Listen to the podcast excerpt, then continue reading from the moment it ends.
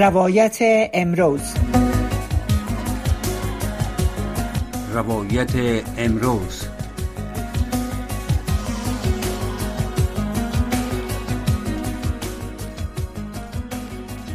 شنوندگان عزیز سلام. شب همه شما بخیر. حفیظ آصفی هستم و خوشحال هستم با تقدیم برنامه روایت امروز با شما هستم. در این برنامه مهمان عزیز داریم از کشور هلند بانو تانیا آکیفی که نویسنده شاعر و فعال حقوق بشر هستند و در هلند به سر می‌برند. در رابطه با کارهایشان که چی وقت بالاخره در دیار غربت آمدن چی افغانستان را با خود آوردن و در شیرهای خود باستاب دادن و فعالیت های غیر از فعالیت های هنریشان از خودشان سوال می‌کنیم. بانی آکفی را بانو آکفی را روی خط داریم. سلام خوش آمدین تشکر که دعوت مرا پذیرفتین. صدای مرا داریم؟ بله صدایتان دارم. با درود و مهر امیدوار هستم که شما خوب باشین و سلام گرم و صمیمانه هم دارم به اعضای کمی لحظه از طریق رادیو ها و پسان از طریق نت و اینترنت صدای ما تشکر از شما بانو کفی شما در هالند به سر می‌برین و گفتمش که شما جوان بودین که بالاخره به هالند آمدین به غربت. شما چی افغانستان را با خود آوردین از از اونجا و در که بعدا با شما تا هنوز هم هست؟ ما اگر بپرسین ما افغانستان کودکانه را با خود آوردیم چون مسائلان بس طولانی است که سال 1995 در هلند زندگی می‌کنم پدر مادر در مشکلات. در وضعیت زمان ها مشکل داشتن و ما چهار فرزند با خود آوردن. افغانستانی که در ذهن ما و یادهای ما میای افغانستان بود که هنوز در بازی های کودکانی و شکل گرفته بود. و افغانستان اگه راست پرسان کنیم بیشتر ما از از داخل هالند شناختم یا بیشتر شناختم. اما عشق علاقه که به زبان مادری داشتم و در خانه همیشه مو فرهنگ فارسی صحبت کردن حفظ کردن و همونطور همی بود که امو عشق علاقه بیشتر شد و ما استرستا دست به زدم. و همین بود. بله، افغانستان بله. ما یک افغانستان شاید یک کمک هم تخیلی باشه بله بالاخره همه ما. مثلا جوزف کسل نویسنده کتاب سوارکاران وقتی در افغانستان آمده بود و کتاب نوشت که بعدها از او فرانکنهایمر فیلم به نام سوارکاران ساخت. میگه افغانستان یک کشور خواب های تفلان است. این درست من نفهمیده بودم که یعنی چی منظورش چی است؟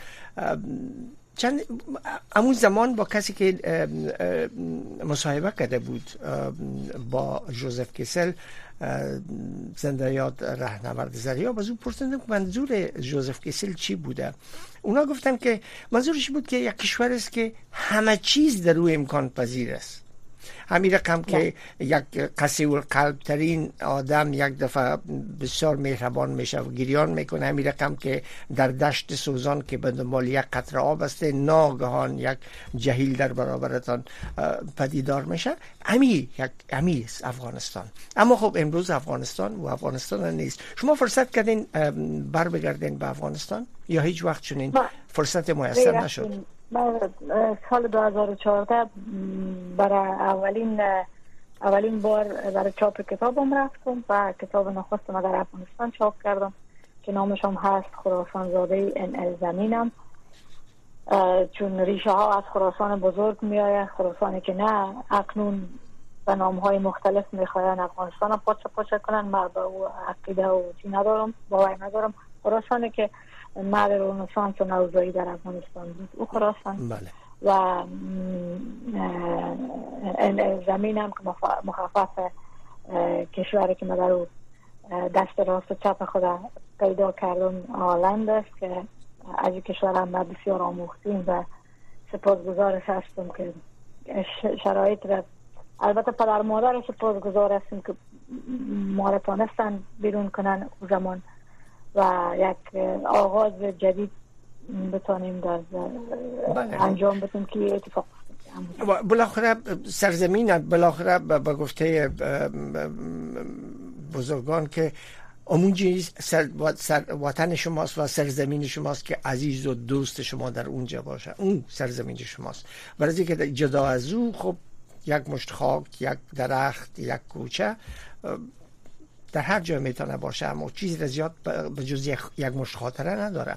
شما در شروع کردین امریکا که خود شما فرمودین به نوشتن و در نوشته های شما که همچنان به فارسی است آیا با آلمانی و هلندی هم سروده های دارید بله من یک مقدار نوشته های من به زبان هلندی به زبان هلندی هم شعر دارم و هم و هم یک سری از شعرهای فارسی من با هلندی ترجمه کردیم ولی ترجمه کردن شعرها با هلندی اما حال و فضای فارسی بله. یا چیز نمی‌تونیم شما تقریبا ترجمه کنیم یعنی شعرهایی که آدم به زبان هلندی نوشته می‌کنه از دید من شاید محکم تر باشه تا ترجمه چون ترجمه یک باید یک فرهنگ ترجمه کنیم بعض اصطلاحاتی هسته که در در فارسی ما خودمون می‌دانیم که در مورد چی صحبت می‌کنیم ولی وقت ترجمه می‌کنیم او بار معنایی رو ما به دو زبان نوشته می‌کنم ولی با فشاری چرا سر زبان فارسی است؟ به دلیل از که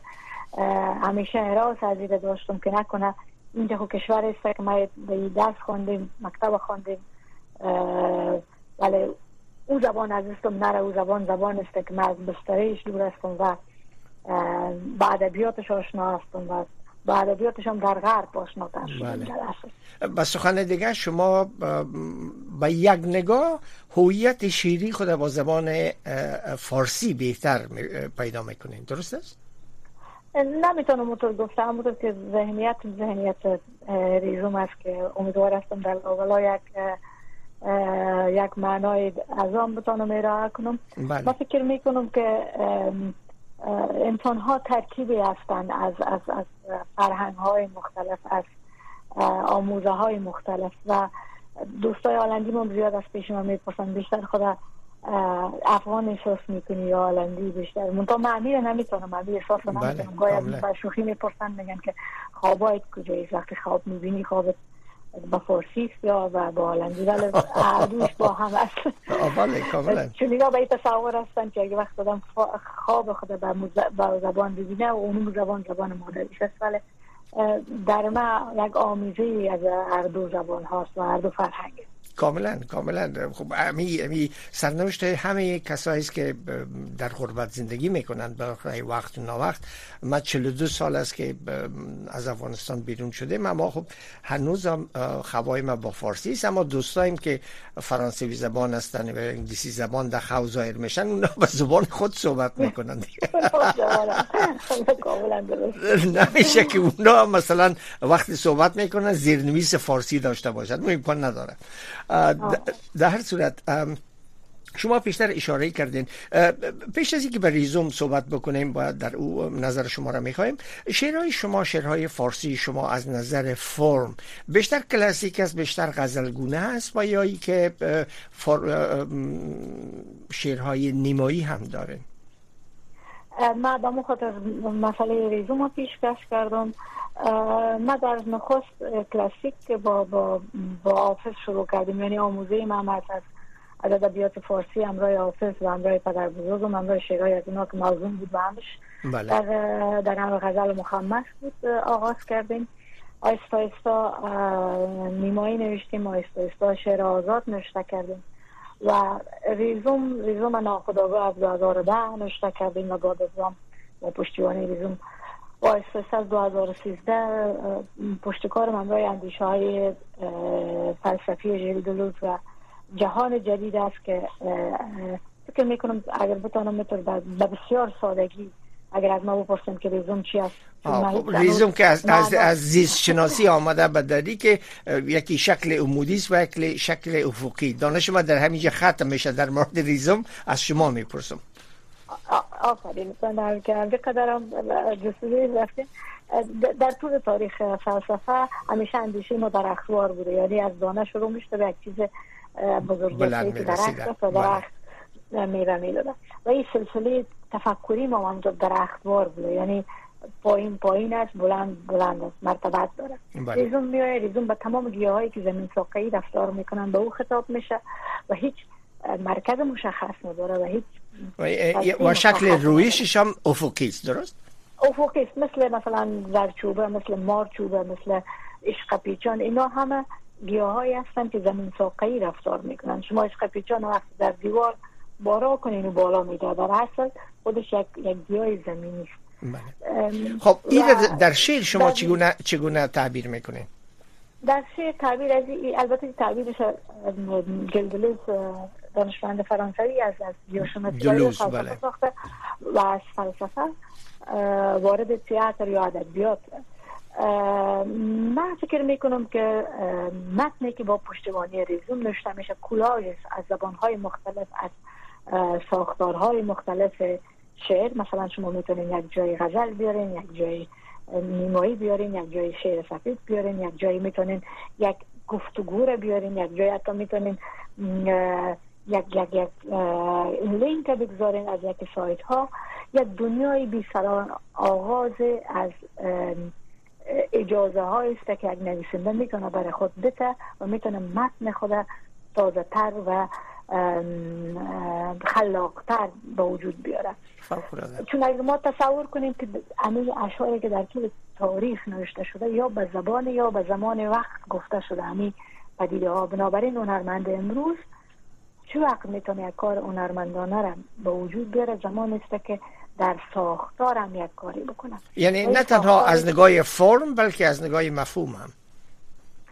شما می‌تونین در ساختار کولاژ بسازین یعنی چند چند چیز با هم بیاموزین ولی در پالی روز بیشتر از 15 معلفه دیگری است که ریزون به او اعتقاد داره. مثلا بالانشینی شعر نسبت به متون دیگه قبول نداره میگه این سلسله مراتب در هر نوشتار هم نیست ما نمی‌تونیم امروز از ریزوم شعر بگیم بهترین کلام است. یک متن بسیار خوب هم می‌تونه بهترین کلام باشه. اما تو که در در در در ساختار جامعه می‌بینیم که ما امروز دیگه دعوای عزیز کردن هم می‌تونیم که یک نسل نسبت به نسل دیگه برتر است و یا یک یک نوع قوم دنیا در بر قوم دیگه برتریت داره. در عرصه نوشتار در عرصه زندگی هم باید همین اندیشه را ما اه، بتونیم پیاده بکنیم. و ما امیدوار هستم که با با آوردن با پشتیبانی ریزوم نوشته کردن متنی که ما جرأت کردیم و خالقش بودیم این اصلا در ادبیات هم پیاده شد. به خاطر از اینکه از خود سانسوری نویسنده بگریزه.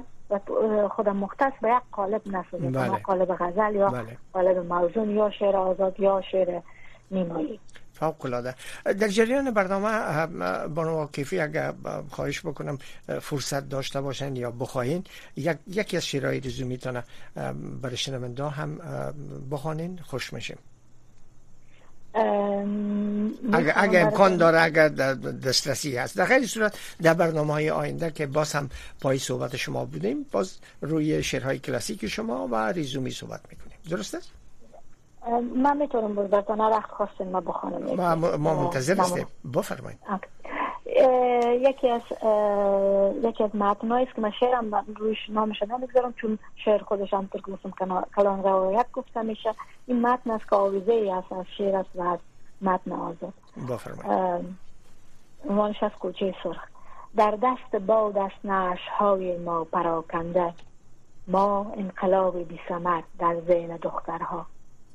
اینجا زن سرخ است در مغز جهان جاری با شرط خونی قرص های دین باورها. اینجا تی ذهنم کسی چپ جابجا کرده. خوابیده بودم زیر ارسی نگاهی و اینجا جهان لنگی زده با عینک و دارش. تنها که تنهایند و زن جرم و گناهی و هوا را سیخپال کردم. شرفه پای او مدت هاست از ذهن آسمان پاک شده.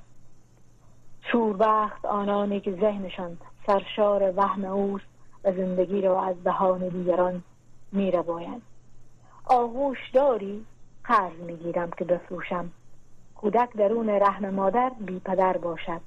لب گیر و خالی کن جهان یک کوچه سرخ است. ترسو زند از این مسائل بی خبر باشد. زمان جمع از آل هاست ولی تا آل می‌گویم کی از دستم می‌رود. دیگر به ساعت بند دستم پابند نیستم. ساعت با تو بودن تک تک می‌کند. به غایت نمی‌رسیم. در سالونی که حقیقت ها سخنرانی می‌کنند دیدگاه های مختلف دور برش برعکسند. و زندگی همچنان ادامه دارد.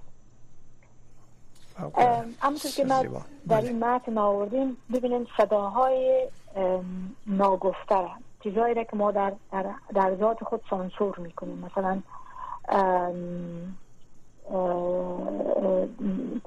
شورت خونی قرص دین باورها. البته اینا گفته شده چرا در ادبیات نام گرفته شده ولی بسیار جسته و گریخته. بله. ریزوم به این اندیشه است به این ارج می‌گذاره که ما پدیده ها را از دیدگاه های مختلف ببینیم مثلا اگر کسی با خشونت رفتار می‌کنه همراه کسی دیگه اگر مثلا در جامعه مرد سالار مثل جامعه ما مرد زن خود دست بلند می‌کنه یا می‌زنه دلیلش چیست؟ گاهی دیدگاه رو باید ببریم فوکس رو ببریم سر مردی که خودش با چگونه مشکلات دست و پنجه نرم می‌کنه که از آخرین قدرت خود که خشونت است استفاده می‌کنه. و این به خاطر ترویج خشونت نیستی به خاطر گریگوشایی از پدیده های است که ما همیشه انکارش کردیم. ولی و این ریزوم از طریق شعر از طریق متن از طریق دنیای ادبیات بخواه از سانسور و از تابو بودن بیرون کنه. همونطور چندین پدیده دیگه که ما در موردش نمی‌تونیم صحبت کنیم می‌تونه در یک متن که پشتیبانی ریزوم داشته باشه.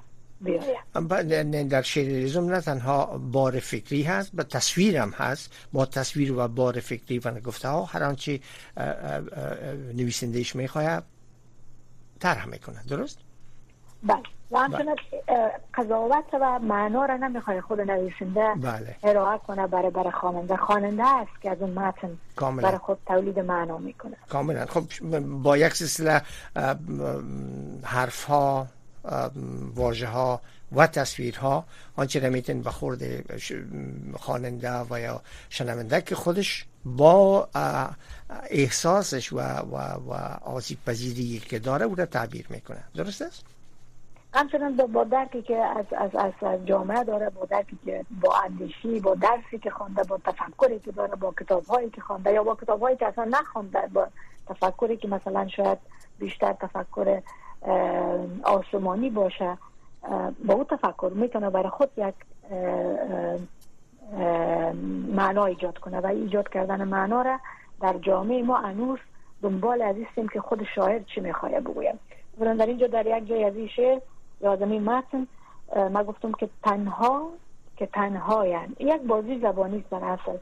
تن به عنوان تن بدن و تنها از تنهایی. بله. دو تا دو تا به یک رقم تلفظ میشن ولی دو تا بار معنایی متفاوت دارن و این خودش یک بازی زبانی است که امیدوار هستم همونطور که در کتاب دوم آوردیم جاهایی هست که جنس است در کتاب امیدوار هستم خواننده که حتما میدارم.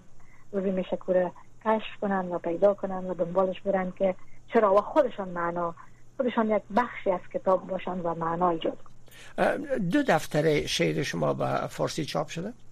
بله اولی به نام خراسان زاده این زمین در سال 2014 چاپ شد. دومی به نام افق دیریم لمریزم می شد چون اندیشه اندیشه افقی است. بله.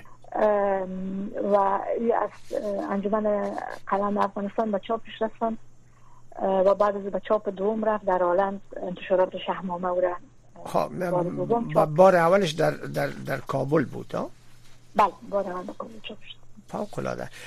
می‌خواستم بپرسم که چقدر از شاعرای کلاسیک پارسیگوی و چقدر هم شاعرای هالندی و یا اروپایی در نوشته های شما تأثیر گذار بودن؟ یا متوازن بودن با یا که نظر به احساس شما یکی مثلا از شرق را پسندیدین و یک شاعر هم از غرب؟ من فکر می‌کنم که اگر بگویم کسی روی ما تاثیر گذار نبوده و ما خودم راه خود رفتیم بسیار از بوتان کلان. ما ما تاثیر پذیر تمام کسایی که در چهار طرف بله خب در, در هنر همین رقم باید باشه دیگه طبیعی است. در, در چهار طرف ما هست. از من شخص خودم از یک کودکی که مثلا دو سه ساله است یک یک حرف می‌زنه تا کسی که ما کتابهایش خواندیم و دنبالش هستم که برو اندیشیش کاوش کنم تاثیر پذیری گرفتیم و این تاثیر پذیری قرار است که ما تاثیر پذیر باشیم از ادبیات دنیا. من فکر می‌کنم مصاحبه داشتم امروز جناب آقای یسنا یعقوب یسنا و اونا هم در مورد از گفتن که ادبیات مثلا چطور است؟ ادبیات امروز ادبیات افغانستان با آمدن طالبان چی سرنوشت سر چارش میشه؟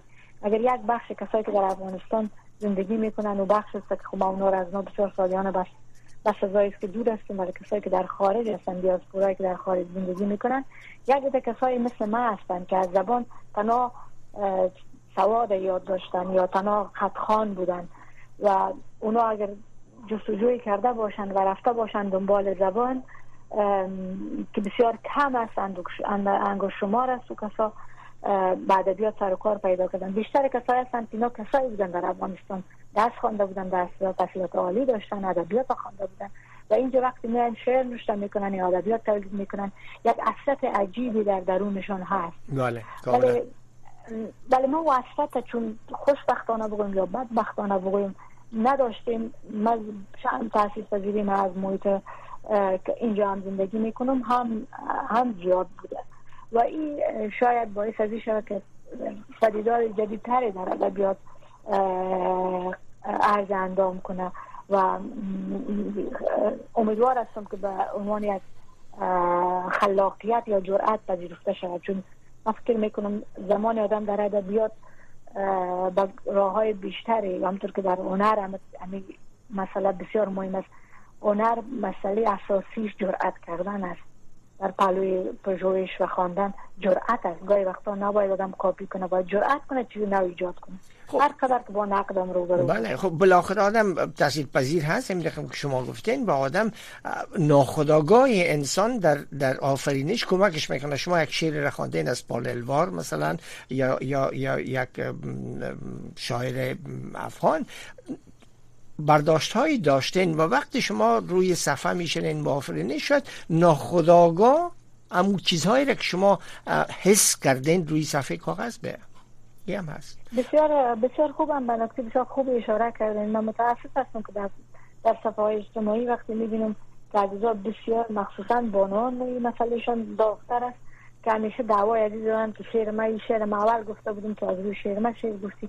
من فکر می‌کنم ما بخوایم نخواهیم از روی شعرهای هم دیگر خود میگیم و پدیده که بسیار مهم است در ادبیات امروز در ادبیات جهان به عنوان یک معلفه و قبول شده بینامتنیت است که ما متون می‌خوانیم اصارش می‌کشیم و دوباره پس ایجاد می‌کنیم. و این بینامتنیت به عنوان یک سرقت ادبی نه بلکه به عنوان یک پدیده است که ما می‌تونیم از دوباره انرژی بگیریم و باز تولید داشته باشیم.